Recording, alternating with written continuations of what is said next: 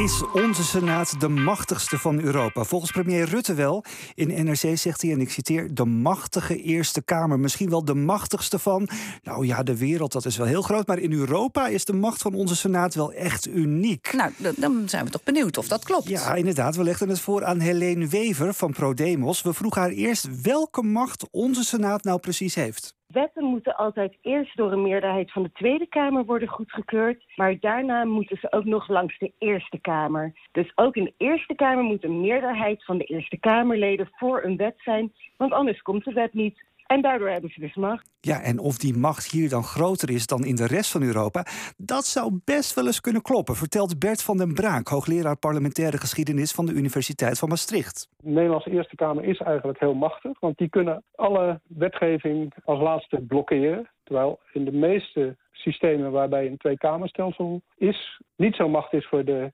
Eerste Kamer of de Senaat.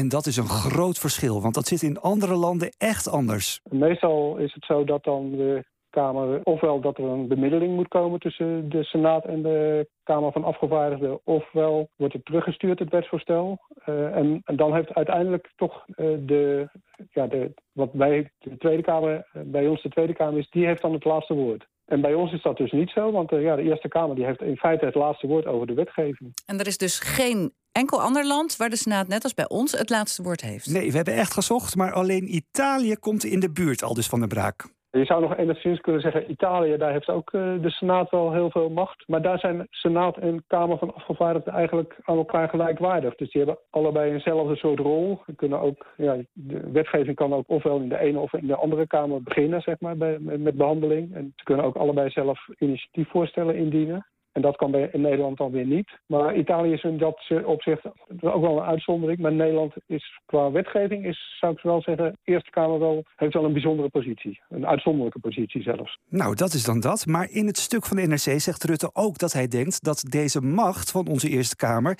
tijdens de komende verkiezingen op het spel staat. Wever legt uit waarom dat zo is. Op dit moment heeft het kabinet Rutte 4 geen meerderheid in de Eerste Kamer. Dat betekent dus dat het kabinet altijd afhankelijk is van oppositiepartijen om een wet er doorheen te krijgen bij de Eerste Kamer. En stel dat ze bij de provinciale staatsverkiezingen, provinciale staten kiezen natuurlijk de Eerste Kamerleden, nog meer zetels verliezen in de Eerste Kamer, dan moet het kabinet dus nog meer op zoek naar andere partijen om aan een meerderheid in die Eerste Kamer te komen om wet er doorheen te krijgen. Ja, de vraag is of dat in de lijn der verwachting ligt dat het kabinet nog meer zetels gaat verliezen in de nou, Eerste Kamer. Er komt natuurlijk vanavond nog een heel belangrijk debat, dus dat durft Wever op dit moment nog niet te zeggen. Oeh, ik vind het heel erg moeilijk om me aan een voorspelling te wagen. Je ziet vaak dat peilingen zelfs een paar dagen voor de verkiezingen er toch nog echt wel naast kunnen zitten. Dus ik durf niet echt te zeggen of ze gaan verliezen. Ik denk wel dat ze een minderheid in de Eerste Kamer behouden. Dus dat ze niet plots naar een meerderheid gaan.